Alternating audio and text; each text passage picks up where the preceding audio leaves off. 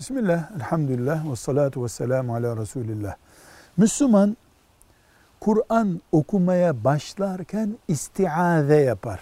Yani euzu billahi mineşşeytanirracim demek. İstiaze. Bu Kur'an okumanın sünnetlerindendir. Şeytanın vesvesesini hissettiği zaman istiaze yapar. Yani euzu billahi mineşşeytanirracim der. Mescide girerken sabah akşam dualarını okumaya başlayınca sinirlenince, gerginleşince Euzu billahi mineşşeytanirracim der. Kötü rüya gördüğünde de Euzu billahi mineşşeytanirracim der. Bir şeyden korktuğunda Euzu billahi mineşşeytanirracim der. Hastalık için kendisini veya hasta başka birisini okurken Euzu billahi mineşşeytanirracim der.